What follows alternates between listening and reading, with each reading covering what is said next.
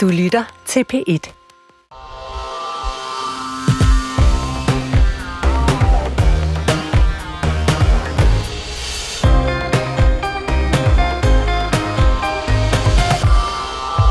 Regeringen vil indføre en CO2-afgift på landbruget lige så snart en ekspert, ekspertgruppen for en grøn skattereform har fremlagt deres konklusioner. Det står i regeringsgrundlaget, som SVM-regeringen altså præsenterede tilbage i december 2022.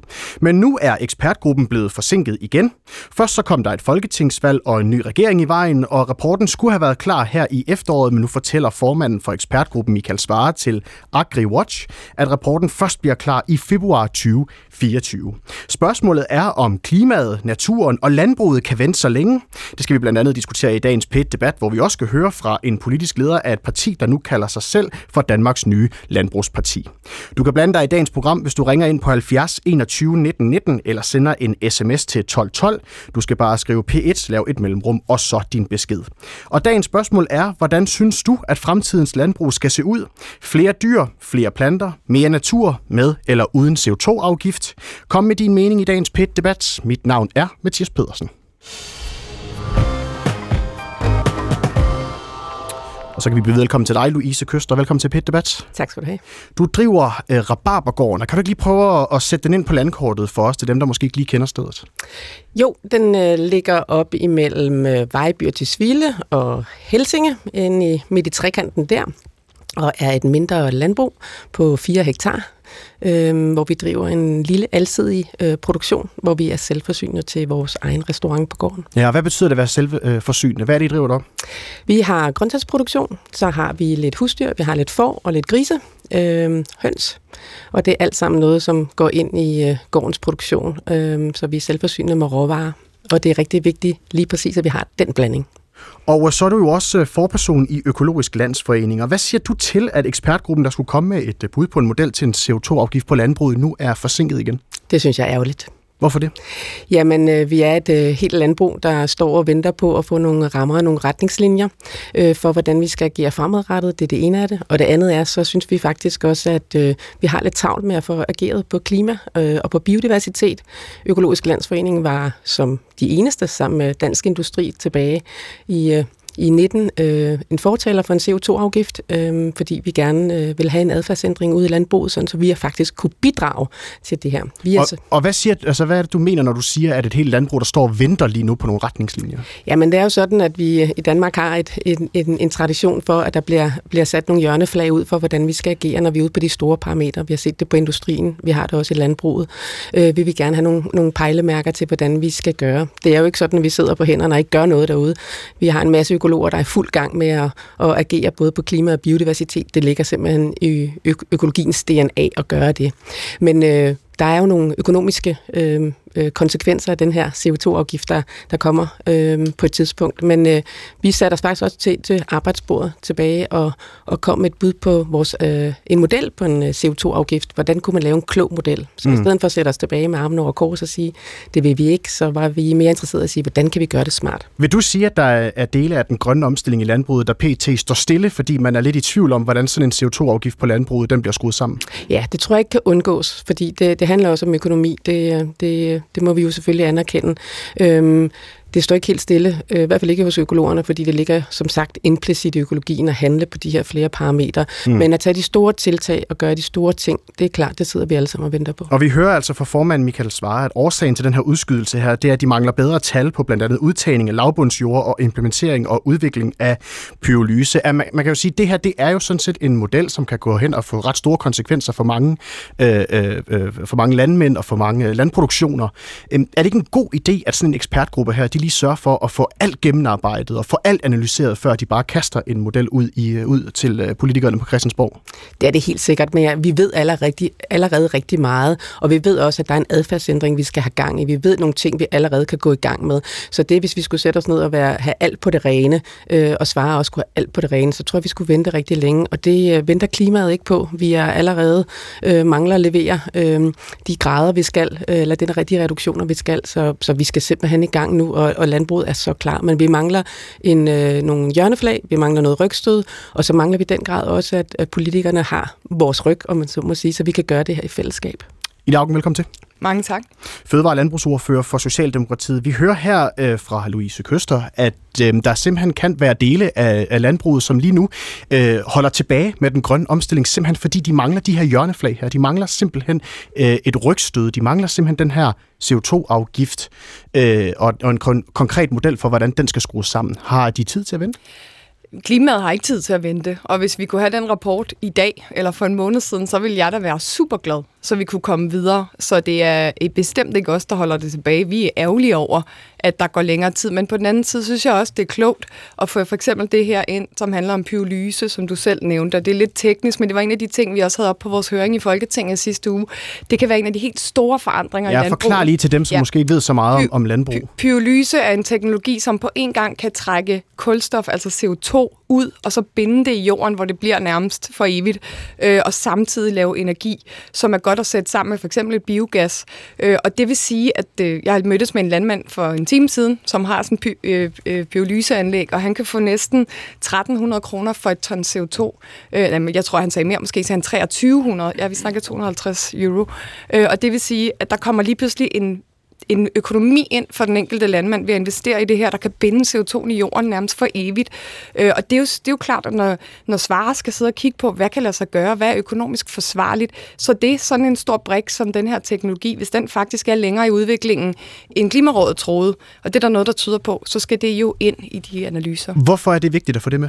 Fordi hvis du sidder derude, lad os sige, at afgiften endte et eller andet sted omkring 750 kroner, eller hvor den nu ender, så hvis landmanden sidder og kan lave et anlæg, hvor han kan tjene 13 1400, 1500, 1800 kroner på et ton CO2 ved at lave pyrolyseanlæg, så ændrer det på forudsætningerne i forhold til, hvordan reagerer landbruget samlet set på en CO2-afgift. Skal man kun tælle det med, når det bindes i jorden i et slags kulstofregnskab, eller skal man putte den i, i markedets regnskab? Det er lidt teknisk, mm. men det er jo alt det her, der gør klimapolitik spændende og fascinerende, og derfor det ikke bare handler om at råbe nogle tal i hovedet på hinanden, men om at komme helt ned i de her meget vigtige, øh, både økonomiske og klimamæssige spørgsmål. Og det kan godt være, det er meget øh, teknisk og meget spændende, men derfor så gør det jo sådan set også processen lidt længere. Altså nu øh, øh, var meldingen først og fremmest, at det skulle have været her i, øh, i efteråret, at øh, den her rapport her, den skulle præsenteres. Nu hører vi så, at det næste, det bliver så øh, formentlig i øh, februar øh, næste år, og øh, derefter så skal der en trepartsforhandling i gang med parterne, før at sådan en CO2-afgift her, den altså lander på bordet.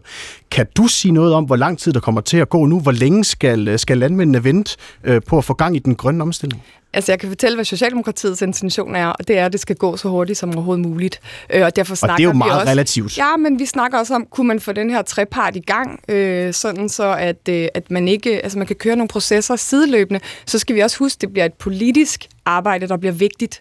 Øh, det bliver vigtigt, at der kommer en bred forankring af den her CO2-afgift, fordi hvis ikke der er et blot parti med i en øh, CO2-afgift, og det, det synes jeg måske Venstrefløjen nogle gange mangler at anerkende, hvis ikke der er et blot parti med, og gerne også øh, langt hen, jamen, så bliver det rullet tilbage efter et valg. Så vi skal lave det politiske arbejde, og det er det, der bliver det afgørende. Mm. Treparten er vigtig til at inddrage og lytte, men det er det politiske forankrede af CO2-afgiften, der bliver først så kommer der en rapport til februar. Den skal læses, den skal gennemanalyseres, det skal alle parterne gøre det skal Christiansborg gøre. Så skal der en trepartsforhandling i gang. Kan vi forvente, at der lander noget i 2024, hvis man spørger dig? Ja, det vil jeg tro. Altså, jeg tror, alle har en interesse i, og som Louise også siger, at få de her hjørneflag sat. Altså, hele indsatsen med at få udtaget lavbundsjord, tror jeg, der vil komme op i tempo, så snart vi har en CO2-afgift, sådan, så det ikke kan betale sig at sidde og holde på de jorder.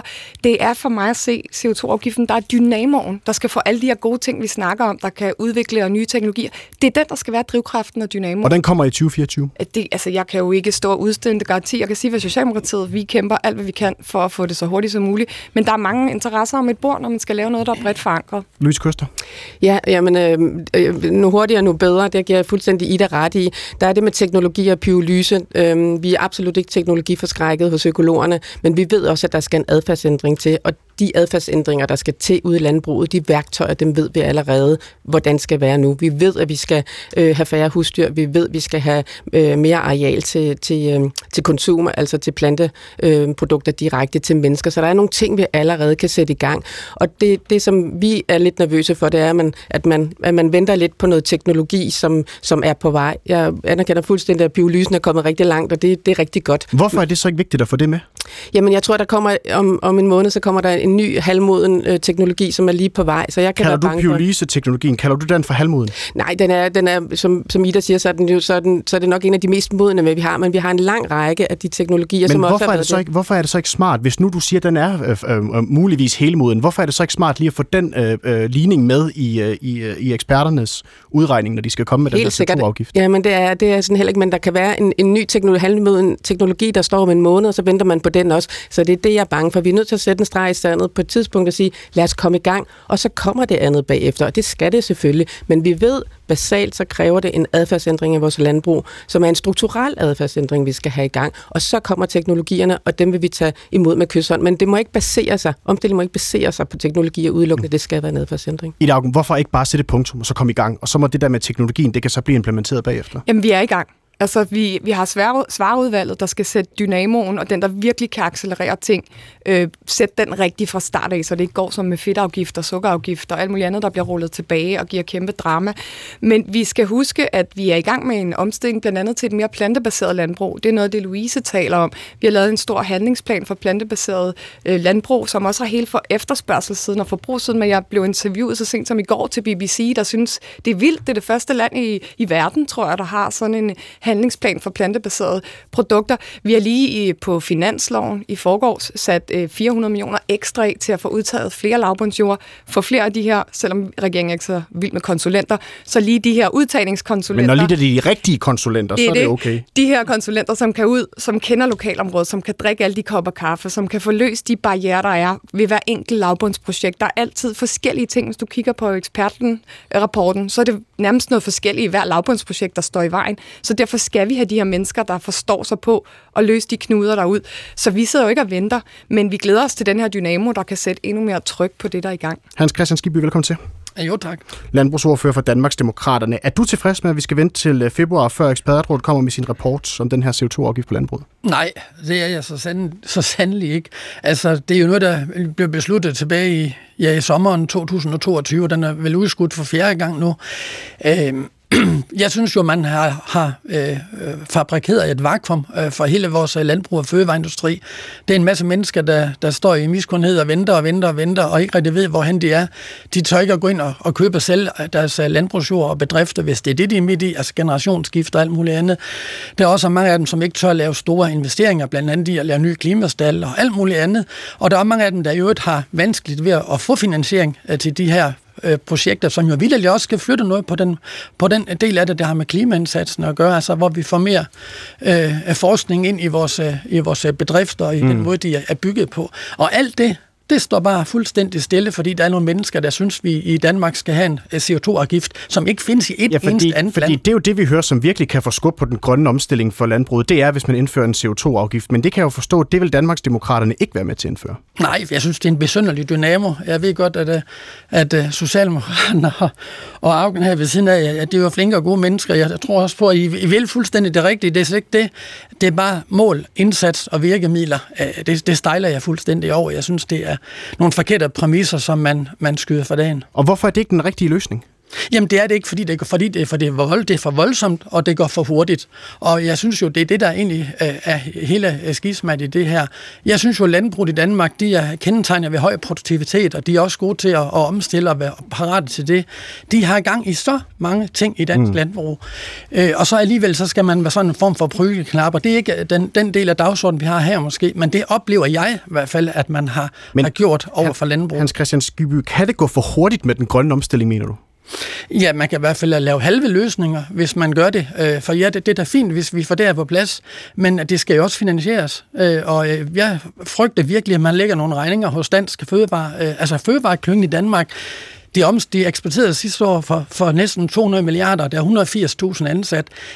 Jeg er ked af, at man går og, og taler det her ned i Danmark. Jeg synes faktisk, vi skulle tale det op i stedet for. Der oplever jeg nogen gøre. Jeg siger ikke alle, der er mange, der gør det her ud fra, mm. fra gode hensyn, og det er jeg helt med på, men, men jeg synes bare, der er desværre også nogen, der gør det modsatte. Og Inger Støjberg, øh, din formand, har sådan set øh, langet ud efter Venstre og mener, at de øh, svigter det danske landbrug. Synes du, regeringen svigter landbruget, hvis de indfører en CO2-afgift på landbruget? Ja, det gør de i allerhøjeste grad.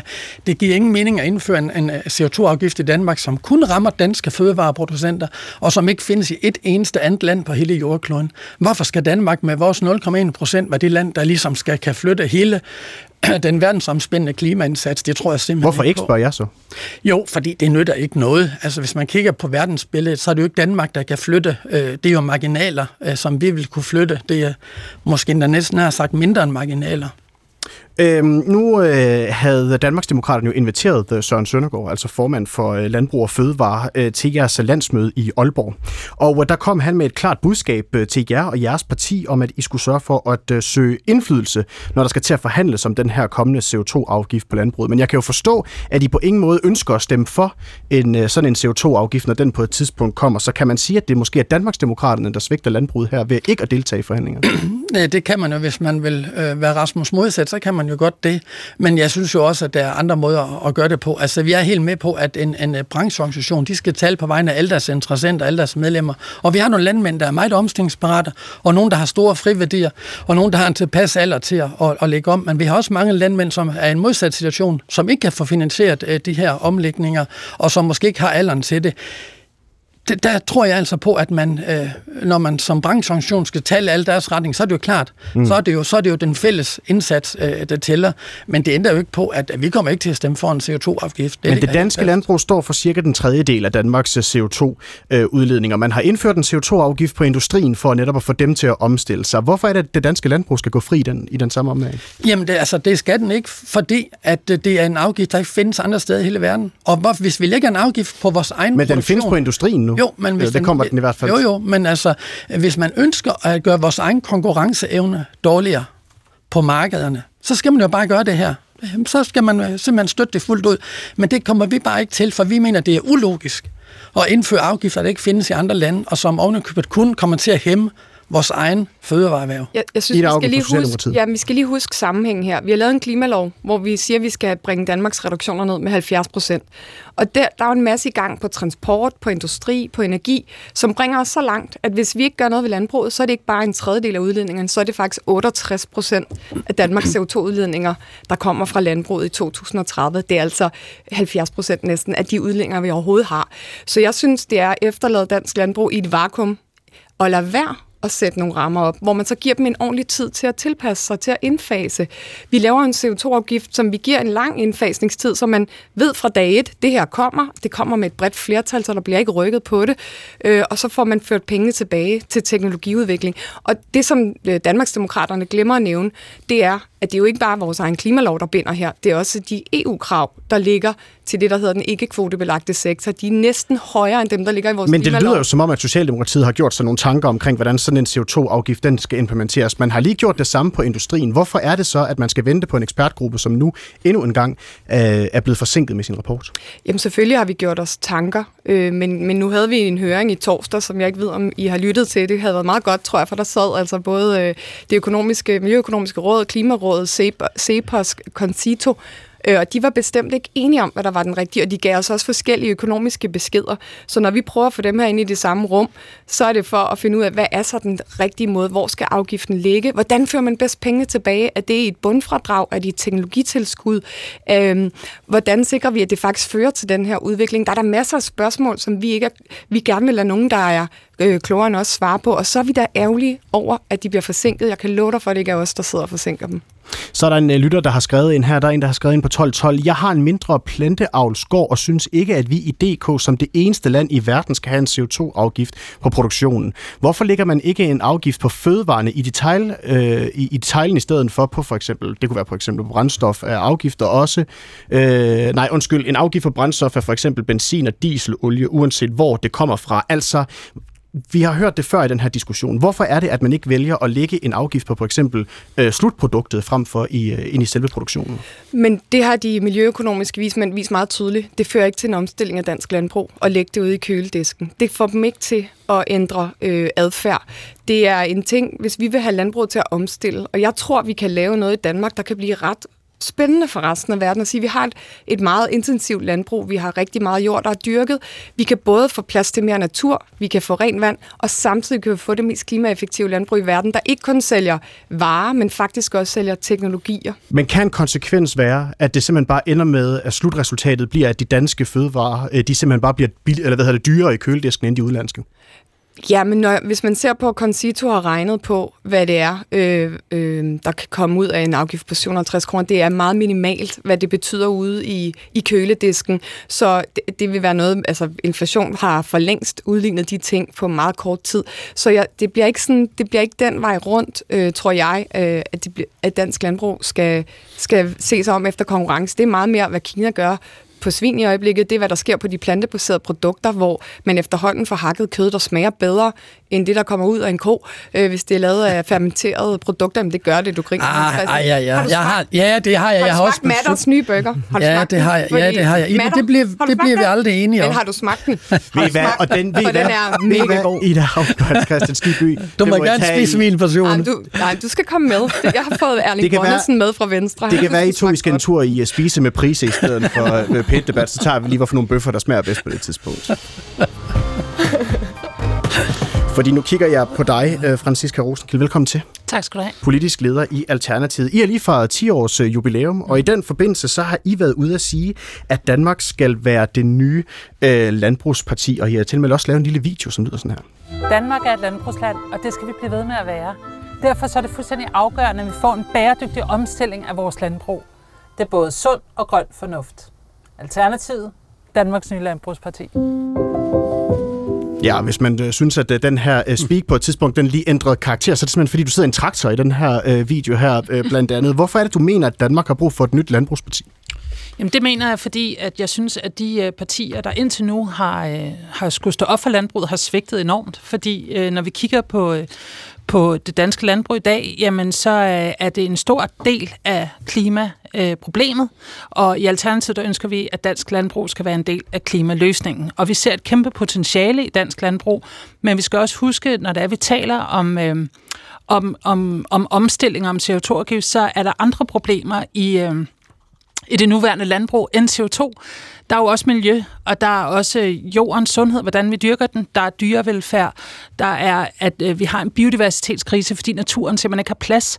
Så derfor så mener jeg ikke, at, at, at man kan kun sige, at der skal indføres en CO2-afgift. Vi politisk er nødt til at have nogle ambitioner for et... Øh, et landbrug, som bliver en del af løsningen, hvor der er vi sammen med erhvervet omstiller. Og hvad er det for en potentiale, du, du siger, du ser i det danske landbrug i forhold til en grøn omstilling? Jamen, jeg ser, at øh, det vi kan se ude øh, nogle steder, hvor at der er øh, idealister, ildsjæle og andre gode folk, der allerede nu producerer både økologisk, regenerativt, bruger permakultur, skovlandbrug, alle mulige andre metoder, som er med til både at lave fødevarer til mennesker, men også samtidig er med til at øh, sikre vandmiljøet i vores kystnære områder, som er med til faktisk at opbygge jorden, sådan, så vi ikke kun dyrker den og tager fra naturen, men vi faktisk også giver tilbage, som forstår at bruge naturen på en helt anden måde, sådan, så det øger biodiversiteten, mm. i stedet for, som vi ser lige nu, at virkelig udhule den. Og det er jo vores eksistensgrundlag. Du siger i et længere interview, som du har medvirket i Jyllandsposten, at uh, Alternativet ønsker at udvikle dansk landbrug og ikke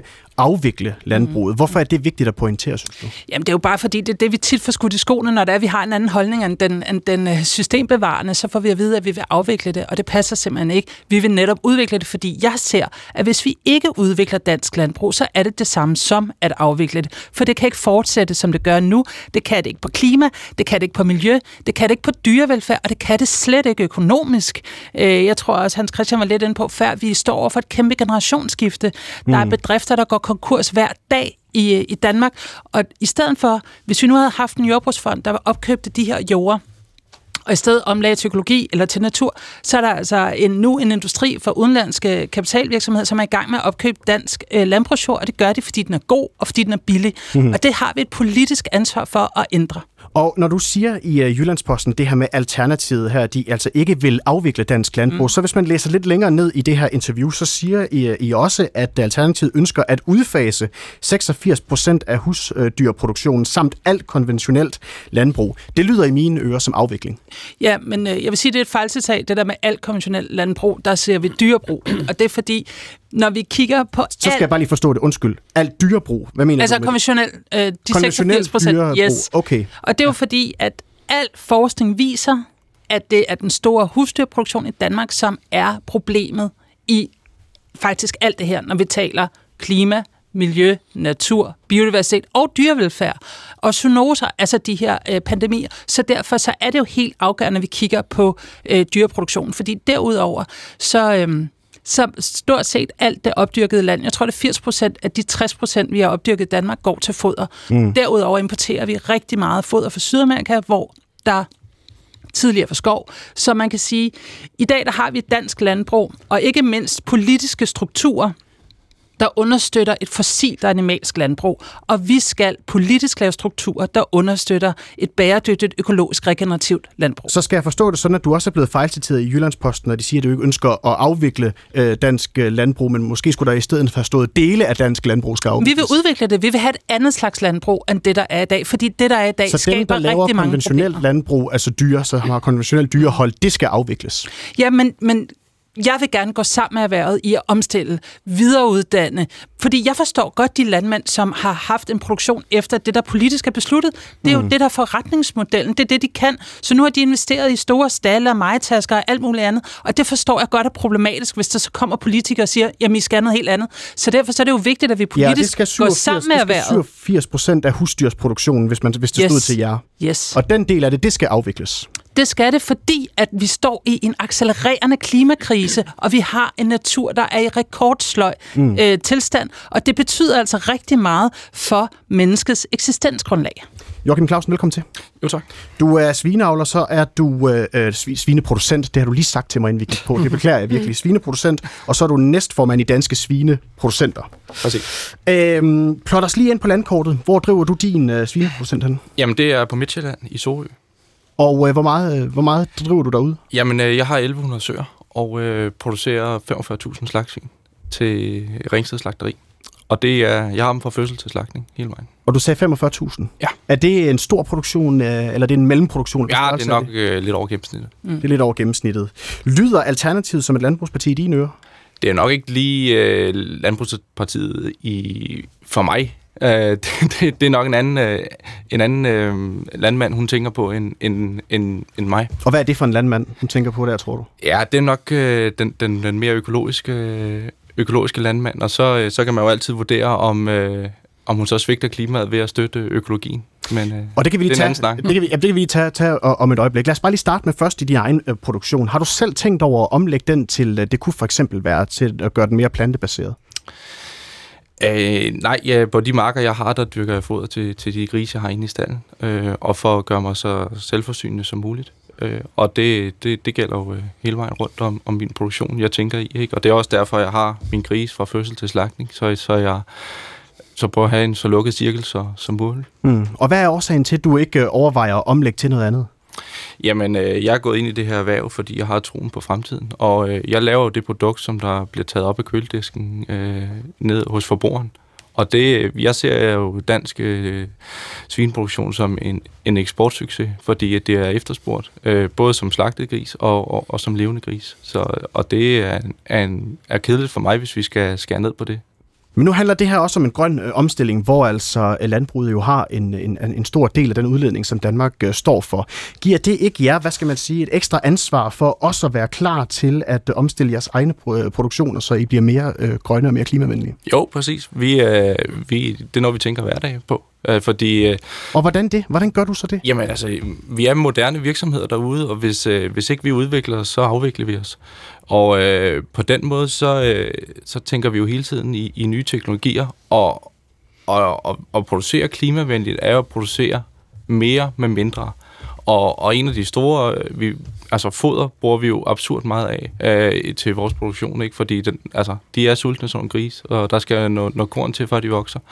Og, øh, og når vi kan lave en foderanlæg og nogle stalle, så vi kan sørge for, at klimaet er præcis øh, godt til, til grisen inde i stallen, så bruger den mindre foder på at vokse et kilo. Og det er jo virkelig noget, man kan, kan måle øh, på, på, på klimaudledningen for, for produktionen. Mm. Og nu hører vi så, at den her ekspertgruppe her, den er øh, forsinket igen i forhold til den her CO2-afgift på landbruget. Står du også øh, i sådan lidt en usikker position og holder dig lidt tilbage, fordi du ikke rigtig ved, hvad, der, hvad fremtiden byder, når vi ikke rigtig har en konkret model endnu? Nej, jeg er egentlig jeg er tilfreds nok med, at han siger, at øh, de skal have, have mere tid til at tænke over det, fordi øh, for, mit, øh, for vores forenings øh, synspunkt vægter vi altid fagligheden højt, så, øh, så hvis han har brug for at få nogle flere fakta på plads, før de kommer med en udmelding, udmelding så, det, så er det meget vigtigt øh, for os, fordi øh, den skal være så præcis som muligt, den øh, rapport, han får, får lavet, så, så det giver det bedste svar til os. Øh, Franziska Rosenkilde, hvad er svaret til øh, Joachim Clausen her, som har en, øh, en svine, øh, som er en svineproducent, som producerer op mod 45.000 øh, om året? Er det øh, 87 procent af, af, den, af den produktion, som simpelthen bare skal, der skal fjernes helt? Jamen noget af det, som man skal snakke om i sådan en produktion, det er jo, hvad med dyrevelfærden? Hvor tit kommer de her krise udenfor? Hvor meget plads har de? Hvor meget har de mulighed for at, at leve efter deres naturlige adfærd? Hvad med miljøet? Hvad med alt det gylde i sprøjter? Hvad med, hvad med havet? Altså det her, det er jo noget mere end bare klima, det skal vi huske på. Og så vil jeg godt sige, at det her med Landbrugsparti, det er jo ikke kun for erhvervet. Grund til Alternativ siger vi Danmarks nye Landbrugsparti, det er fordi, vi er det for hele Danmark. Det er under 1% af vores befolkning, der er landmænd, men de opdyrker 60% af vores land. Og i og med, at de opdyrker 60% af vores land, så har de faktisk et ansvar for vores fælles naturressourcer. Mm. Og derfor så skal et landbrugsparti i dag være et landbrugsparti, der går op i klima, i miljø, i dyre dyrevelfærd og i vores drikkevand, fordi ellers har man kun erhvervets økonomiske interesser for øje, og så er man ikke et rigtigt landbrugsparti. Men du siger, at regeringen har svigtet det, nuværende landbrug, og det har partierne igennem, i, uh, gjort gennem uh, årvis her. Nu står der en svine... Lykke i 14-15, Og nu står der en svineproducent her, som, mm. uh, som du jo ønsker på en eller anden måde skal omstille sig. Hvordan har du tænkt dig at hjælpe Joachim helt konkret med at omstille sig? Jamen, jeg vil jo gerne hjælpe Joachim med sin produktion, sådan så han fik en mere divers produktion. Det vil sige, at han reducerede i sine, i sine svin, og i stedet for fik mere planteproduktion produktion, sådan så han faktisk også produceret mad til mennesker, fordi som du også selv siger, det er øh, kaloriemæssigt en dårlig forretning, fordi grisene spiser mere end menneskene. Så hvis man faktisk lavede mad til mennesker i stedet for til dyr, så vil man faktisk få flere fødevarer ud af det. Og det, der er hele pointen her, det er, at hvis vi har en mere divers produktion, så er det bedre for hele kredsløbet for hele økosystemet, og så producerer vi faktisk flere øh, fødevarer også til mennesker, så vi kunne blive mere selvforsynende i Danmark, og ikke være så globaliseret i vores fødevareerhverv. Joachim Clausen? ja, vi er jo øh, selvforsynende i Danmark med fødevarer. Vi skal bare lige huske på, at, at vi er jo gode til at producere Altså, vi har det rigtige klima i Danmark til at producere afgrøder på vores marker, og vi har et kanonklima til, at vi kan holde grisen i stallen, uden det bliver for varmt eller for koldt, og vi kan sørge for det. Og på den måde kan vi også klimaoptimere de forhold, vi er under. Men hvad med dyrevelfærden? Jamen, vi kan jo, vi kan jo efter, altså, de, øh, de dyrevelfærd, vi kan præstere i et stallen, de er jo så godt som, altså, de rammer, som der er. Men synes du, og det er jo noget, nok? vi arbejder på hver dag for at få en bedre, altså, hvis, øh, hvis min, øh, min gris har det dårligt, så, har, så kan jeg jo godt ligge søvnløs om natten. Men hvad med halekupering? Jamen, jeg halekopierer ikke min gris. Så de må have plads nok, siden de så ikke bider hinanden? Øh, det Eller er de fixeret? Nej. Man, kan ikke, man fixerer ikke så mange grise. Det gør man ikke.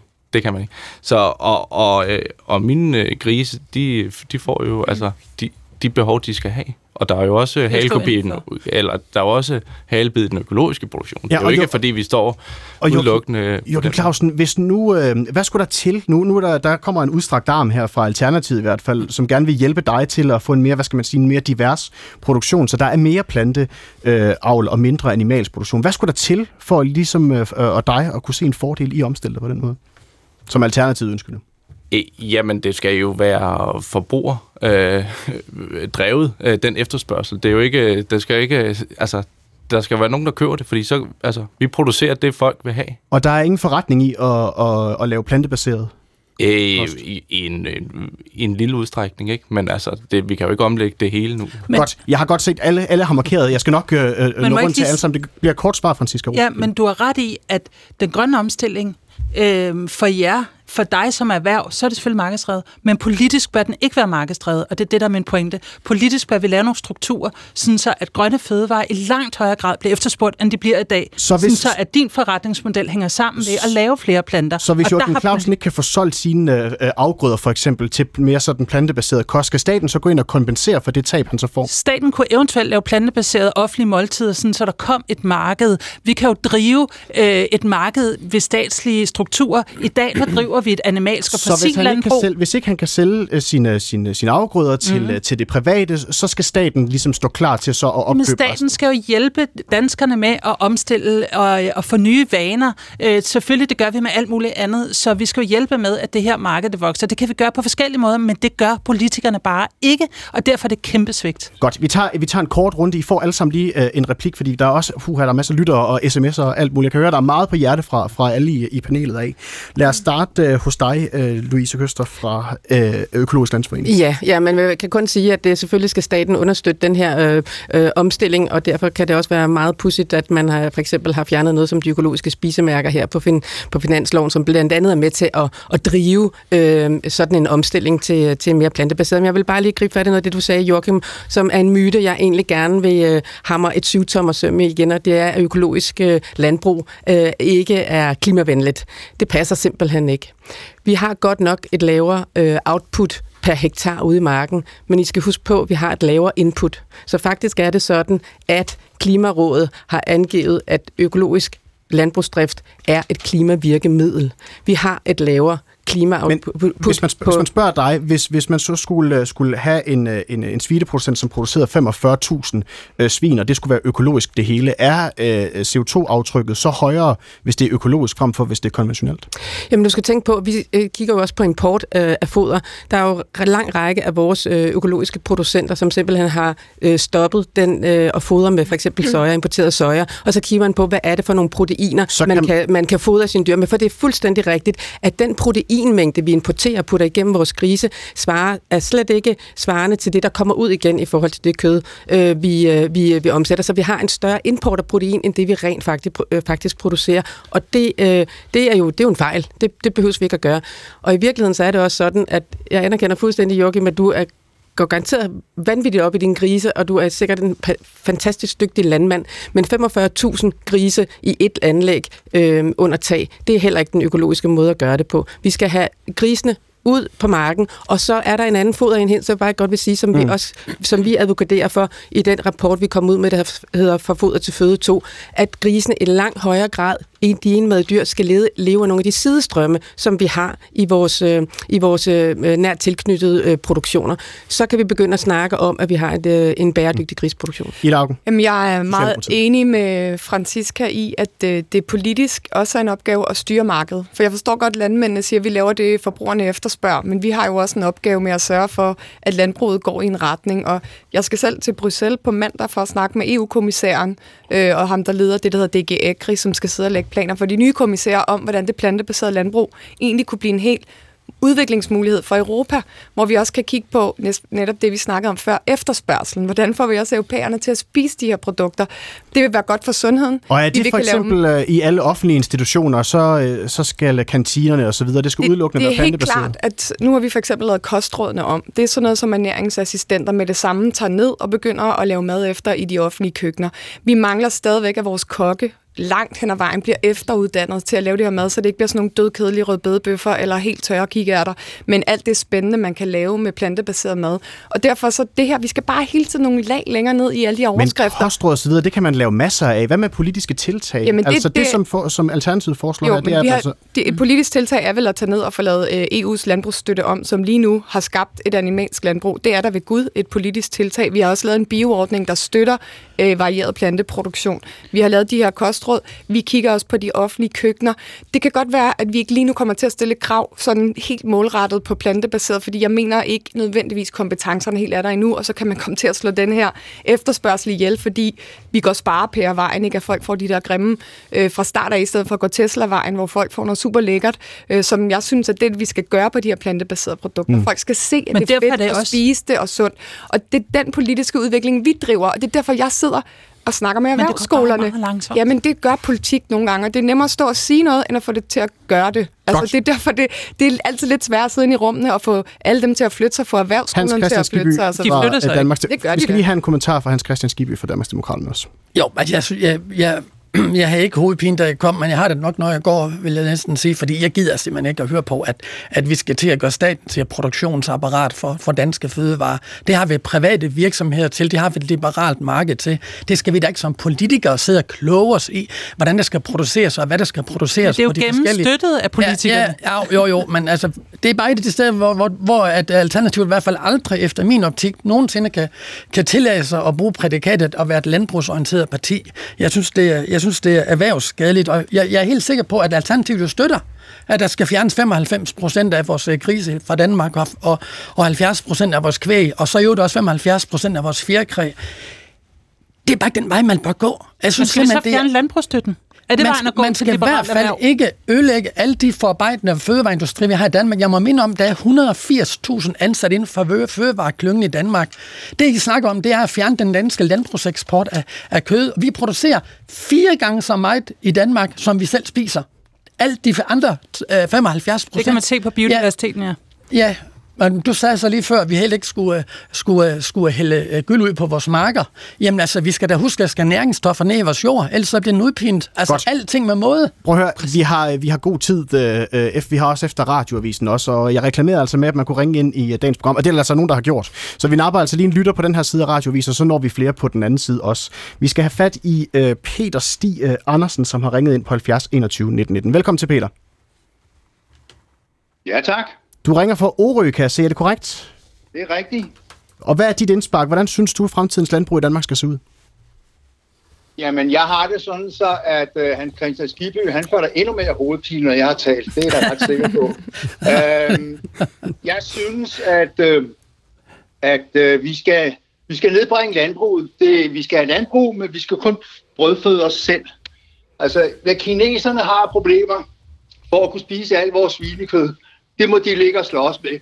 Vores natur kan ikke rumme den øh, kvælstofudledning, som, som det nuværende landbrug kræver, og derfor så er vi simpelthen nødt til at, at minimere det. Vores eksport udgør 2% af vores BNP. Det er fuldstændig ligegyldigt, og øh, det vil sige, at vi kan lande på omkring 12-15% af vores, øh, vores areal. Det skal være landbrug, og det er til at både føde os selv. Og det er måden, som jeg synes, det skal foregå. Men Peter Stig, nu prøver jeg at se, om jeg kan give dig måske bare en lille prikken i tændingen, eller, eller måske ja, give dig bare en, en, en, lille bitte smule hovedpine. altså hvis nu, at uh, produktionen så uh, flytter, eller man vælger at købe udlandsk varer, nu siger du, det er ligegyldigt med, med hvad, hvad kineserne gør, det er deres uh, problem, men man kan jo sige, ja. CO2 er vel CO2, uanset hvor det kommer fra. Jamen, det er rigtigt. Men jeg, altså, mit, mit, mit fokus er mest kvælstof. Altså, CO2-afgiften, den kan jeg ikke gennemskue for landbruget. Altså, det, er, det handler simpelthen om at få det nedbragt, sådan så at vores natur kan rumme den belastning, landbruget kræver. Og øh, det er det, som er mit synspunkt. Og du er mere optaget af miljø på det spørgsmål Meget. så? I allerhøjeste grad. Okay, du får lige en, en, en, Det- en kommentar fra Hans Christian uh, Skibby. Hvad øh, kræver det her panodiler, eller hvad? Jeg tror, der skal en par iprener til, hvis jeg skal være helt ærlig, uden at reklamere for dem i øvrigt. Men øh, jeg, jeg, jeg er jo helt med på, at der findes forskellige tilgang til det her, og om det er ud fra en øh, arbejdsmarkedspolitik, om at vi gerne vil bevare nogle arbejdspladser i Danmark, om vi godt kan lide at få noget øh, valutaindtjening til Danmark via noget vareeksport, eller om vi kan lide, at der stadigvæk er, er levende liv ude i vores landdistrikter, hvor vi har nogle landbrug, som også øh, brødfører både smeden og vognmænd og alle mulige andre. Og de her ting Og vægter du højere end miljø og klima. Nej, det gør jeg ikke. Men jeg jeg vil, jeg vil vise et skyldigt hensyn til, at alle de her ting, alle de indsatser, der kommer, de skal komme i en vis tempo, hvor at markedet og virksomhederne, de kan følge med, og de skal vide det med åbne arme, og de skal vide det med åbne øjne, hvordan reglerne de kommer til at være. Det der er nu, det er, at vi har oplevet et vakuum i to år, hvor ingen har vidst, om de er købt eller solgt. Det er det, jeg er sur over, og jeg er virkelig sur. Kort kommentar fra dig, Francisca Rusnil det forstår jeg øh, sådan set godt. Men vil du anerkende, Hans Christian, at det danske landbrugs udledninger, de har ikke sænket sig de sidste 20 år? Vil du anerkende, at beskæftigelsen i landbruget, den er reduceret med 40 procent på de sidste 50 år? Det vil sige, at de her landdistriktsområder, de mærker i den grad, at vi nu har et meget, meget øh, større landbrug på færre bedrifter. Det vil sige, det liv, der er ude i landdistrikterne, som i en langt højere grad er forbundet med mindre og småskala landbrug, hvor man bor på gården, hvor man eventuelt driver en restaurant eller en gårdbutik, har æglægning og alt muligt andet. Det er den form for diversitet, vi skal have vores landbrug for netop at understøtte landdistriktsområderne øh, og for netop at få mere natur øh, ind i vores, øh, i vores landbrug. Louise Køster fra Landsforeningen øh, for Økologi. Du får lige en sidste kommentar her, inden vi rammer en øh, ja, radiovis. Ja, jeg ved det. Jeg skal bemærke ganske kort. Jeg synes bare, det er vigtigt at sige, det er klart, at vi skal lave nogle incitamenter for landbruget, til de kan lave de her omstillinger. Det er også derfor, vi er gået aktivt ind og lavet en model til en, til en klimaafgift i landbruget, som vi kalder pris på bæredygtighed. Og der vil vi gerne sætte den landbrugsstøtte i værk, som blandt andet kan komme ud og virke i hele EU, sådan så vi sikrer, at vi breder det, øh, øh, den, det klimatiltag, vi skal lave. Plus at så er det også vigtigt, at vi siger, at det er ikke kun klima, det er også biodiversitet. Så aktiver landbrugsstøtten, det er vi gået ind på, i stedet for som det er nu, det er en passiv støtte, som primært bliver givet til størrelsen, men ikke gørelsen. Den skal vi have i gang. Og vel, det blev det sidste, vi nåede øh, på den her side af radioavisen. Vi skal diskutere meget mere landbrugets øh, fremtid på den anden side efter tre minutters øh, nyheder, der kommer her kl. 13. Og så napper vi måske også lige en eller to lyttere mere på den anden side. Forløb, vi skal i hvert fald have tusind tak for, for, for debatten så far. Vi er tilbage igen om tre minutter.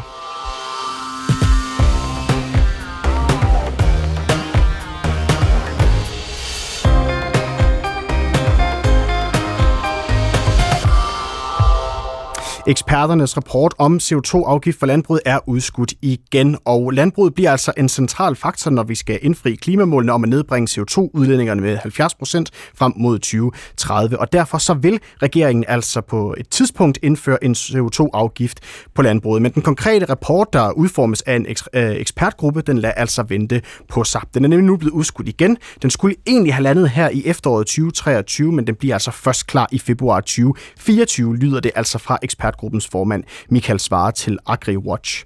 I dagens P1-debat, der spørger vi om landbruget, klimaet og naturen kan blive ved med at vente, og hvordan bør fremtidens landbrug egentlig se ud? Og du kan som sædvanligt blande dig, hvis du ringer ind på 70 21 19 19, eller sender en sms til 1212. Du skal bare skrive P1, lav et mellemrum, og så din besked. Velkommen tilbage til P1-debat. Mit navn det er Mathias Pedersen. Og så har Christian fra Herning ringet ind til øh, p Debat på 70 21 19 19. Velkommen til, Christian. Jo, tak. Hvad tænker du, hvordan synes du, det danske landbrug skal se ud i fremtiden, hvis man spørger dig? Jamen, jeg synes, i stedet for alt det der med CO2-afgift, så hjælper vores landbrug med at få nedbragt CO2'en. Det er sådan set nedlægger tingene, ligesom de siger, eller bare skærer ned til kun eget forbrug jamen så vil tingene blive produceret i udlandet, og produceret under helt andre forhold, end de gør herhjemme. Også dyrevelfærdsmæssigt. Jeg kan ikke forstå, jeg kan simpelthen ikke forstå, hvorfor vi herhjemme skal være så grove med alle vores ting.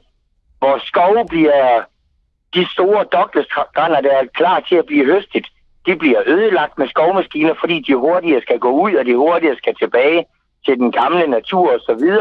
Men de buske, der vokser op bagefter, de giver ikke den samme rensning af luften, som de store træer, de gør.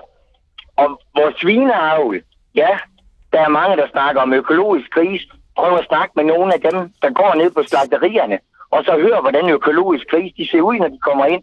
Hvor mange af dem bliver, bliver frasorteret fordi at de simpelthen er for dårlige med byller og bumser og skidt og lort. Og Christian, hvor ved du de her ting fra? Jeg kender en del, der arbejder på slagteriet, og jeg har en stor omgangskreds med dyrlæger. Så derfra ved jeg en del af det. Så hvorfor er du så bekymret, hvis vi begynder at, hvad skal man sige, øh, skalere ned på den animalske produktion i Danmark? Fordi at jeg er mere bekymret for, at den bliver større i udlandet, hvor de ikke har de bekymringer, som vi har herhjemme. Hvor de ikke er klar til at lave de øh, CO2-begrænsninger, øh, som vi har, eller som vi gør herhjemme. Jeg kan ikke forstå, hvorfor vi ikke hjælper landbruget, betaler landbruget, kun man hjælper dem mm. med at få gjort. Godt. Christian, hæng på, fordi vi har nemlig stadigvæk fødevare- og landbrugsordfører for øh, Socialdemokratiet, Ida Augen, med.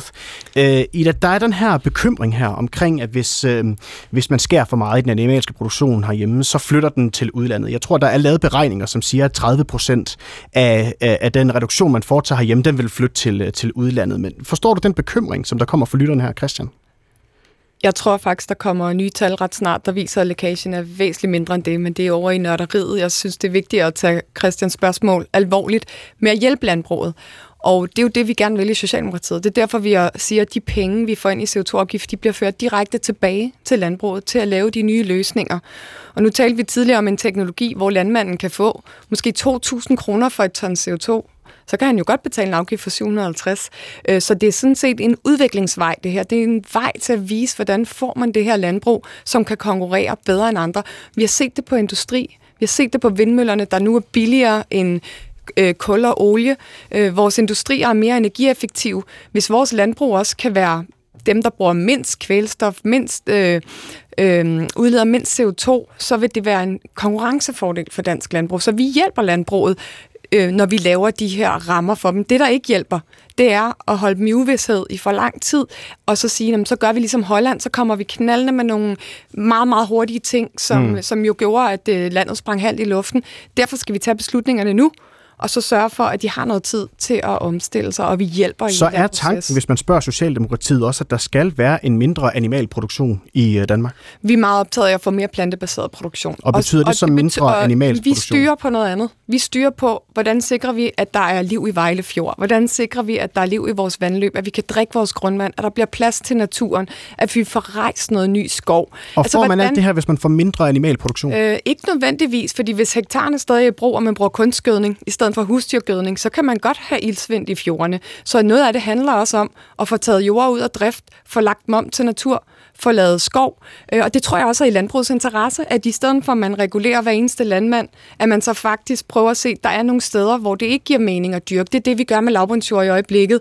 Det tror jeg også bliver noget af det, vi kommer til at gøre med den her akutpakke for vandmiljøet, vi lavede i finansloven, at vi kommer til at gå ind og sætte målrettet ind mm. omkring nogle fjorde, fordi det er jo der, problemerne opstår. Det er jo ikke alle steder i landet, at der er kvælstofproblemer. Så jeg skal bare forstå, ja eller nej, det er ikke socialdemokratisk politik, at der skal være mindre animalsk produktion Men det er ikke den måde, vi styrer på. Vores politik er at nå vores klimamål. Det er at have liv i vores fjorde, at nå vores øh, kvælstofmål, at nå at beskytte vores drikkevand. Så kommer vi ikke til at sidde og sige, det bliver den ene eller den anden måde med et eller andet mm. tal. Jeg tror, det er en helt vildt dårlig måde og, at styre Og vi introducerede på, Joachim Clausen i den første del, og du skal nok få ordet øh, om et øjeblik, altså næstformand i Danske Svineproducenter. Hvad er, øh, hvad er regeringens, hvad skal man sige, støttende hånd til, til ham, hvis han skal omlægge sin uh, svineproducent, som jo producerer øh, 45.000 svin om året. Hvis øh, CO2-afgiften bliver indfaset med 750 kroner, så vil vi se, om det skal føres tilbage i et eller andet grundfradrag, sådan så man samtidig har en interesse i at lave alle de tiltag, man kan lave, og det ved øh, landmanden jo bedre end os. Hvad er det på min bedrift? Det kan være forskellige ting, om man er planteproducent, eller man laver grise eller kør. Hvad er det? Nogen skal have noget fodertilsætning, nogen skal lave noget nitrifikationshæmmer, som det så mm. fint hedder, nogen skal lave noget nye sædskifte efterafgrøder. Men det er jo derfor, at en afgift er smart fordi den giver landmanden noget valgfrihed. Og så handler det om, skal vi så føre nogle af pengene tilbage direkte til en støtte, sådan så I, som et bundfradrag, så I har de penge og investerer i de nye teknologier. Joachim Clausen, jeg kom på. Men den giver mig nemlig ikke øh, valgfrihed, fordi jeg indbetaler mine øh, penge, jeg har tjent på mine produkter, ind som en afgift, og så ved jeg ikke, om jeg kan få dem tilbage igen. Altså, så kan jeg måske være heldig og søge og få nogle tilskud til det, de ting, jeg gerne vil lave. Men men jeg kan ikke sætte det ind i mit budget, og jeg kan ikke betale regninger med noget, jeg ikke ved, om jeg får. Så, så, så derfor sætter det mig jo en større uvidshed, hvis jeg skal lægge et stort beløb af min indtjening. Ja, det, det er jo en af de ting, der taler for at bruge den model. Jeg tror, det var Cepos, der talte for den, måske også de miljøøkonomiske vismænd, at man laver et bundfradrag. Altså, så får du jo faktisk flere penge på kontoen. Hvis, der er, hvis du får et fradrag i dine jordskatter, for eksempel, eller et andet sted, så vil du også kunne gå til din bank og sige, se, jeg får pengene ind den her vej, men nu skal du bare se, hvad jeg gør over på den anden, så jeg ikke alligevel skal betale regningerne. Det gør man på rigtig mange områder. Vi har gjort det med grøn check mm. hjemme hos borgerne, når vi hæver øh, afgifter på el og vand. Du får lige en kort kommentar fra Joachim Clausen, for så ved jeg, at jeg skal slippe dig her med det samme. Joachim? Ja, men altså... Det, Et det, bundfradrag vil lige hjælpe dig. Selvfølgelig, det vil jo sætte, sætte beløbet i, ind til mig på, på, på et vis, øh, vis grænse, men jeg går ud fra, at det ikke er, i, som når politikere laver nogle ting og laver en afgiftspulje, så er det som regel, at de, der, der forsvinder en masse penge, når de ryger derind. Så, så, så det, det, det er et farligt sted at putte dem ind, og jeg, altså, jeg vil hellere have valgfriheden ude på min bedrift, så jeg kan lave de investeringer, der gavner min virksomhed bedst, og også klimaet. Altså, det er jo en stråmand, at du siger, at pengene bare forsvinder. Vi har sagt meget tydeligt fra regeringens side, at pengene skal tilbage til at udvikle erhvervet. Så det, den hold køber jeg simpelthen. Men det er jo ikke sikkert, det er der, lige der, der forsvinder altid noget. Så vil jeg jo ikke sige, at, at erhvervet øh, får jo lige præcis valgfrihed med en CO2-afgift. Hvis vi gik ind og sagde, at du skal bruge den teknologi, og den teknologi, og den teknologi, så får I ikke nogen valgfrihed. Så, så det er jo det, der er diskussionen i øjeblikket. Det er en af de ting, jeg tror, vi kommer til at diskutere allermest, når svare udkommer, måske med nogle forskellige modeller til, øh, skal det være, øh, at vi stiller nogle krav, og hvis du har de her teknologier, skal du ikke betale afgiften, eller som Økologisk Landsforening siger, det, det hele går over landbrugsstøtten, hvor du bliver trukket i den. Der er mange muligheder, og jeg glæder mig til den diskussion. Det, der ikke er til diskussion, det er, at vi skal nå vores klimamål. Og den tager vi øh, en anden god gang. Ida Augen, jeg har lovet at slippe dig nu. Du skal have tusind tak, fordi Mange du var tak. med i uh, PET-debat i dag.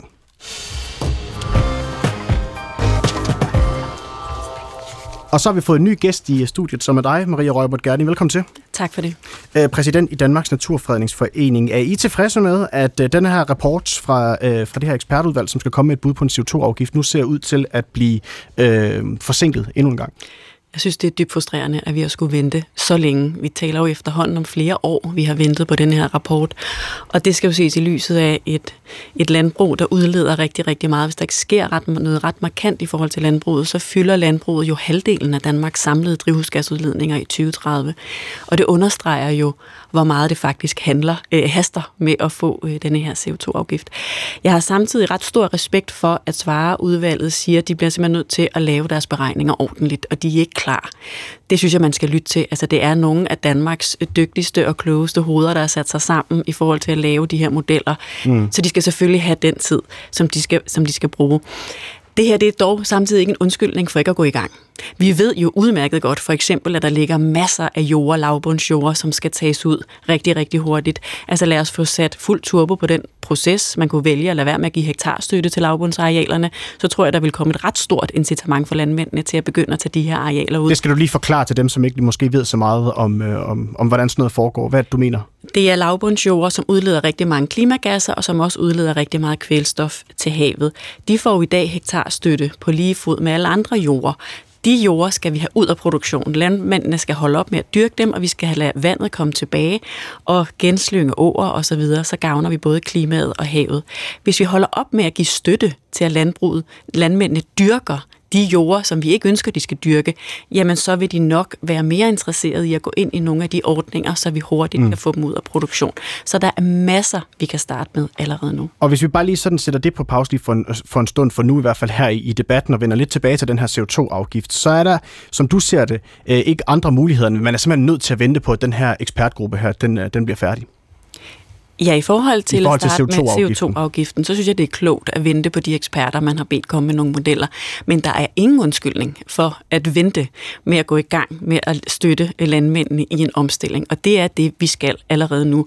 Vi skal huske, at vi har et landbrug, der støder både på klimaets og naturens grænser.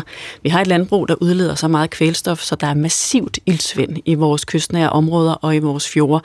Biodiversiteten er i frit fald i det åbne land, fordi landbruget er blevet så intensivt, så naturen ikke kan trives i samspil med landbruget. Vi har nu pesticidrester i over halvdelen af vores aktive drikkevandsboringer. Så der er landbruget støder på grænser alle vegne. Mm. Og det vi bliver nødt til at sige allerede nu, det er, at vi skal have et landbrug, der er stærkt, der brødføder mindst lige så mange mennesker, som vi brødføder i dag. Det er mellem 15, og- eller 10 og 15 millioner mennesker, men som holder sig inden for naturens grænser. Det vil sige, at vi skal have en omstilling fra et landbrug, der udleder meget, og det er både kvælstof og CO2, til et landbrug, der udleder markant mindre. Og det er den omstilling, vi allerede nu kan starte på, blandt andet ved at lave støtteordninger, der støtter det plantebaserede, der understøtter, at landmand begynder at producere noget andet. Og hvis du spørger dansk landbrug, så vil der være flere, der siger, at øh, man sådan set bare har fulgt de regler, som der har været i lovgivningen nu.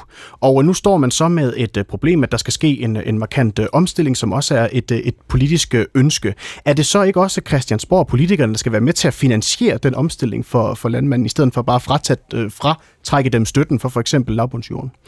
Jeg peger ikke fingre den enkelte landmand.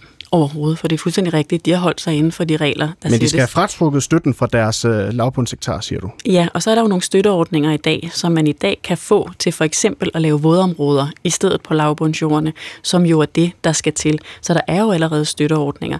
Så betaler vi jo øh, 15 milliarder i dag i forskellige former for støtteordninger til landbruget. Der bør man jo også diskutere, hvad er det egentlig, vi så som samfund kan, skal forvente, at vi får tilbage for alle de mange penge. Jamen det er jo ikke døde fjorde, og det er jo ikke forurenet drikkevand, og det er jo ikke, at vi ikke længere, altså at, at lærker og, og viber øh, er i, i mindre og mindre omfang i det åbne land. Jamen vi skal selvfølgelig have noget helt andet tilbage, og det er jo den diskussion, vi skal starte på nu. Asger Christensen, velkommen til. Ja, tak. Du er medlem af Europaparlamentet fra Venstre, så er du med os øh, fra øh, Bruxelles, hvis man lige kan høre lyden. Den er lidt, øh, lidt speciel. Hvad siger du til, at ekspertgruppen nu igen bliver forsinket med sine anbefalinger til en CO2-afgift? Jamen, jeg synes, at øh, som der er flere, der har sagt, at det, det er egentlig træls, at, det, at det, den bliver udsat igen. Men det fortæller også bare om, hvor, hvor svært det er, øh, det her, tror jeg. Og specielt når vi har, vi ved, at det er nogle af de klogeste øh, hoveder og hjerner, der er, sat, øh, der er blevet sat på den her opgave, og at de kunne løse den, øh, at det blev udsat flere gange. Det fortæller bare mig i hvert fald, at, at det er, det her det er rigtig, rigtig svært. Og nu har vi set et andet land, som der diskuteret øh, CO2-beskatning på den biologiske proces, øh, New Zealand. De har erkendt, øh, at det er, det er rigtig svært, og de har udskudt det til 2030 nu for at, at få, øh, få større viden og større grundlag for at, at øh, lave øh, den regulering. Og skal den danske regering også vente så længe til 2030?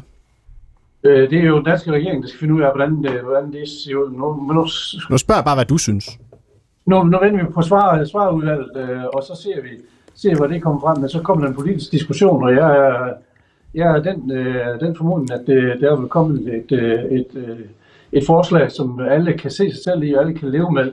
Og så er det jo min opgave, at vi får det, får det bredt ud på øh, europæisk øh, plan, og det, øh, det er noget af det, som vi går i gang med øh, øh, her og nu, hvor vi skal til at begynde at diskutere den nye landbrugsreform, som skal gælde fra 27, og der vil jeg øh, tro, og det er også det, jeg hører som på vandråden, at der bliver nogle af de her elementer, som vi diskuterer i Danmark, de vil komme med ind i den, den øh, nye landbrugsreform, som skal gælde fra, fra 27. Og bliver det, de- kan det også være en CO2-afgift for eksempel på produktionen? Jamen, der, jeg, i, hvis du spørger mig, så, øh, så jeg tænker, han tænker en afgift. Jeg vil hellere bruge det i incitamentsstruktur. Jeg vil hellere bruge gulerøden frem for, øh, frem for en afgiftsmodel. Og, og det, det er så den diskussion, vi kommer, vi kommer til at have på et eller andet tidspunkt. Så der skal vi, Europaparlamentet ikke lade sig inspirere den danske regering? Undskyld. Og der, øh, når det kommer til CO2-afgiften, der skal Europaparlamentet ikke lade sig inspirere af den danske regering. Det kan godt være, det bliver en model, der hedder, der hedder en afgiftsmodel, men det, jeg tror også, det bliver en model, der hedder... Altså, noget af det, vi gerne vil have mere af, det, øh, det er så det, vi, øh, vi støtter op omkring. Og jeg synes, det, det er lidt ærgerligt, at nu, nu sender vi 1,6 milliarder tilbage til, øh, til EU, fordi det, de penge kunne få et afløb i, i Danmark. Og der kunne man netop have brugt det til nye teknologiudvikling, nye øh, og udtagende lav, lavbundsager og få det speedet op. Men øh, det har vi jo fået øh, evnet i, mm. i, øh, i bruge de midler, som der, der nu har været afsat til, Men- til forskellige ting. Asger, jeg skal bare lige forstå, øhm, du vil ikke arbejde i EU for, at der kommer sådan en fælles løsning, for eksempel, altså en fælles CO2-afgift, så der ikke var den her konkurrenceforvridning, som øh, nogle øh, af de danske øh, landmænd, de er bange for, der Nej. sker, hvis man sætter en afgift på øh, produktionen alene i Danmark. Hvis, hvis du hører, sagde, så vil jeg arbejde for, at vi får en ens øh, model i hele EU. Ja. Vi får en ens En ensformet CO2-afgift. Det har vi, det har vi nu. Vi har engang, vi har engang en model for det i EU, men det er det, vi har i øvrigt har vedtaget i EU's klimalov, at det, vi skal have en fælles regnskab, vi skal have en fælles model at gå ud fra, og det har vi endnu. Om det bliver en dansk model, eller det bliver en, en, en helt uh, tredje model, eller det, det er for tidligt at, at, konkludere lige nu, men jeg vil arbejde for, at vi får ens, uh, ens uh, vilkår i hele EU på det her område. Hvad er Rommel Gerning? Jamen selvfølgelig skal vi have en CO2-afgift, det skal vi i Danmark, og det skal vi jo også på sigt i hele EU. Det vigtige for mig er, at vi også diskuterer, hvordan skal den CO2-afgift bruges, altså provenyet til at sikre den strukturelle omstilling. Og der bliver vi simpelthen nødt til at få noget ærlighed ind i denne her debat. Det kan godt være, at man rent på klima kan komme et vis stykke med teknologi. Men hvis vi også anerkender, at landbruget skal levere på andre kriser, og det er kvælstof, og det er biodiversitet, og det er drikkevand, så skal landbruget fylde fylde mindre, og det landbrug, vi så har, det skal udlede mindre. Det vil sige, at vi skal producere planter frem for dyr. Så det er uomgængeligt, at vi skal reducere vores husdyrproduktion, og det er uomgængeligt, at vi skal tage store arealer ud af produktion. Og det er jo det, CO2-afgiften også skal bidrage med. Og der bliver jeg bekymret, hvis man kigger for entydigt, for enåret kun på klima, og dermed kaster milliarder efter teknologiløsninger. Det kan være fodertilsætninger, nitrifikationshæmmer og hvad ved jeg, som ikke løser problemet for drikkevandet, som ikke giver os livet tilbage i vores fjorde, fordi det vil møde landbruget lige bagefter, mm. for vi kan ikke leve med den udviklingsvej, som vi har nu. Vi skal vende os 180 grader og gå i den anden retning. Og det er den ærlighed, jeg nogle gange lidt savner, når, når vi diskuterer, hvad er egentlig en realistisk vej for og vi, og vi tager øh, øh, produktion af dyrhold og så videre, det tager vi om et lille øjeblik, Maria Røvmet Gerning. Jeg kigger lige først over på Joachim øh, Clausen Nets, formand for Danske Svinproducenter. Du markeret. Ja, jamen det er jo bare, det jeg synes jo bare, det er ærgerligt, hvis vi, hvis vi flytter produktion ud med en afgift øh, ud af landet, fordi vi har jo alle rammer og, og muligheder for i Danmark, at vi, at vi kan finde nye løsninger og teknologier, og vi kan styre det, øhm, så vi kan blive ved med at, opretholde en, en stor fødevareproduktion i Danmark, som, som både fører øh, mange mennesker også øh, uden for Danmark.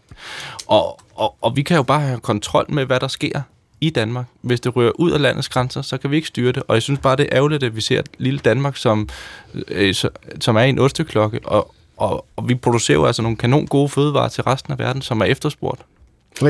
Vi har ikke rammer. Det er ikke rigtigt. Vi har ikke rammer i Danmark, der kan understøtte den produktion, vi har nu. Vi har set massivt ildsvin, hvor fiskene har ligget med buen i vejret stendøde i vores fjorde. Det er et tegn på, at rammerne, grænserne er overskrevet massivt med kvælstof for landbruget. Så grænserne er overskrevet, og landbruget skal inden for de grænser og de rammer, der er. Så det er ikke rigtigt, at vi har rammer til at understøtte en husdyrproduktion. Vi har rammer til at understøtte en rig og stærk landbrugsproduktion, der producerer noget andet, og som forurener markant mindre til drikkevand, til havmiljø og til klima. Godt, og vi har også bedt lytterne om at ringe ind, og vi skal lige uh, hilse på uh, Lene Lønborg, som har ringet ind fra Aarhus. Velkommen til, Lene. Ja, tak skal du have. Ja, jeg har et enkelt råd, som måske kan forene Garderne, Skiby og så øh, hvad hedder det, i Augen og øh, Alternativet. Tror, det er, tro, tror du, at du kan forene øh, øh Dansk Naturfredningsforening ja, og landmanden herinde? Det vil jo være fantastisk. Det er ikke alle de der komplicerede løsninger fra Christiansborg. En enkelt løsning er simpelthen, at øh, når de øh, kræver den der CO2-afgift, så betaler de landmændene tilbage og køber de der lavbundsjord, og så planter de det med træ. Fordi vi, vi kan ikke vente på, at øh, kommunerne øh, har byråkrati og kapacitet til alle de der ansøgninger med lavbundsjord. Og de skal simpelthen bare øh, købe fra den CO2-afgift, der skal de købe de lav, lavbundsjord, og så plante dem til med træ. Så kan det være, at vi kan begynde at redde vores fjord og vores, øh, vores søer. Jamen, det er den enkelte løsning. Du kan høre, hvad Skiby og så de andre siger til. Jeg kan sige, at, øh, at, at øh, Hans Christian Skiby han har forladt uh, studiet, men jeg har stadigvæk, Nå, ja. jeg har stadigvæk nogle andre stående herinde, så lad os lige høre, uh, Lene, lad os lige høre, hvad der bliver, hvad der bliver resp- hvad det, af, af respons på dit jeg forslag. Jeg vil høre, fordi det er en enkel løsning, og ja. øh, det ødelægger jo ikke de landmænd. Øh, Nej, men lad os starte, lad os starte uh, hos Joachim Clausen, som er næstformand i Danske Svineproducenter. Jamen, jeg er helt enig i, at det er jo godt, at vi, hvis vi kan få nogle af de jorder ud, der forurener mest i klimaet. Men problemet er med sådan en løsning, det er jo netop, at vi så tager pengene fra min pengepunkt, og så får jeg dem ikke tilbage igen. Så bliver de brugt til noget andet. Men hvis og den... så, så, så står jeg og mangler dem til at kunne betale mine regninger. Men hvis den her CO2-afgift, de penge, der kommer ind, de bliver brugt på at opkøbe den jord øh, fra dig, så ryger de penge vel tilbage i din lommer. Det er vel det, Lene hun foreslår? Ja, men hvis jeg er en af de heldige, så, så der lige har noget af det jord. Men, men det er jo... Du har ikke noget lavbundsjord, som du skal af med? Øh, det er meget lidt. Ja. Hvad siger du, Line? Øh. Undskyld, kom. Er det mig igen? Ja, det er dig igen. Kom, Line Lønborg. Ja, altså, landmanden bliver jo neutral, fordi han får penge. Øh, det, han giver i CO2-afgift, det får han hjem igen ved at sælge de jord. Men, men det er ikke alle landmænd, der ligger ind med lavbundsjord, og så, lige, og så har man jo betalt en afgift og så får han ikke pengene tilbage, og så står han med, med et hul i kassen på den. Godt, lad os lige høre fra Marie Rømer Gerning fra Danmarks Naturfredningsforening. Jeg synes, det er et rigtig godt forslag, og vi skal huske på, at det er jo ikke alene lavbundsjord, vi skal have ud af produktion. Desværre har vi kørt kvælstofforureningen i så mange år, så havet er i så stor krise, så det er mange hundredtusind hektar, vi skal have ud af produktion, og ikke kun lavbundsjord. Så vi skal, det, det er et rigtig godt forslag, køb det op. Noget af det kan blive til skov, noget af det kan blive en anden slags natur, men det er det, der er nødvendigt for at undgå, at så meget kvælstof ender ude i vores hav. Og det er jo ikke målet, at landmanden skal betale en afgift, og så skal han have det hele tilbage igen. Det er jo målet, at landmanden skal betale en CO2-afgift, og så skal nedbringe sin CO2-udledning, så man ikke længere næste år skal betale så høj en afgift. Og det kan man gøre på mange måder. Det kan man gøre ved at lave skov, det kan man gøre ved at sælge noget jord, det kan man gøre ved ikke længere at producere så mange dyr, men derimod producere noget andet. Så bare for at lige at holde målet for øje, det er jo, det er jo, det er jo ændringen, vi gerne vil have. Godt. Asger Christensen, øh, medlem af Europaparlamentet for Venstre. Jeg ved jo, du selv er, er, er gårdejer. Hvad er det nu lige, du driver på din egen gård? Øh, vi har øh, malkøer, 650 malkøer, og vi, vi har gjort øh, rigtig, rigtig mange initiativer over de seneste år.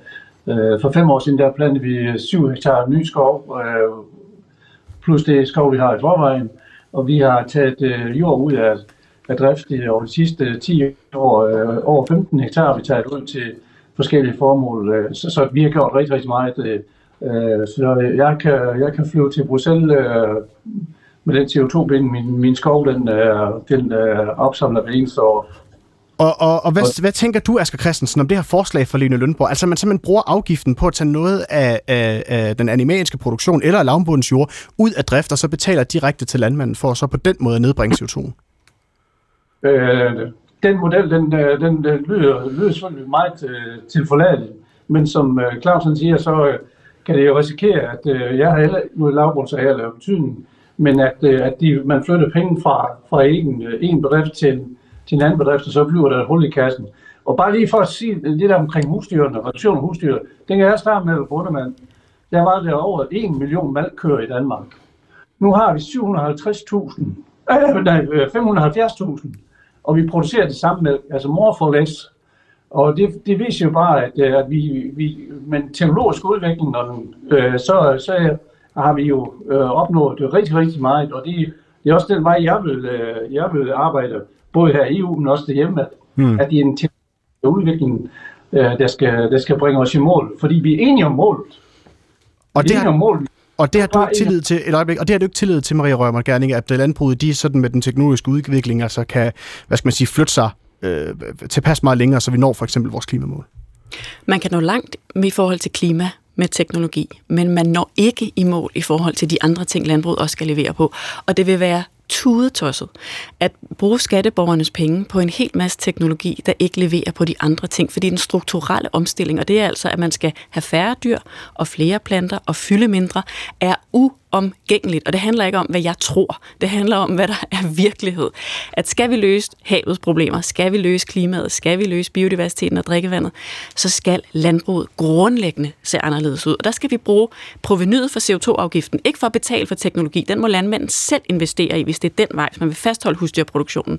Men i at sikre den strukturelle omstilling og hjælpe de landmænd, der gerne vil producere noget andet på deres marker, eller som gerne vil sælge noget jord, fordi at landbruget skal fylde mindre i Danmark. Joachim Clausen? Ja, men det, jeg vil bare, det er helt forkert, det øh, Maria er inde på, det er, at fordi, altså, vi skal både betale en afgift, og vi selv skal betale for det teknologi, hvis vi skal kunne, kunne brødføre de mennesker i verden, der efterspørger os øh, varer.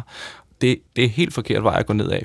Altså, vi skal have teknologien til at køre i Danmark, så vi kan opretholde en fornuftig produktion af vores øh, animalske produkter, som bliver efterspurgt over hele verden, og ikke bliver punket med, med, med pisk af, at øh, vi skal skære, skære ned hvert år for at, for at kunne betale en mindre CO2-afgift. Så dør min virksomhed. Det var simpelthen, hvad vi nåede i dagens udsendelse af PET Debat. I skal alle sammen have tusind tak for at bidrage øh, til dagens øh, debat. Jeg er sikker på, at vi kommer til at diskutere det her igen på et andet tidspunkt. Mit navn er Mathias Pedersen. Tusind tak, fordi I lyttede med.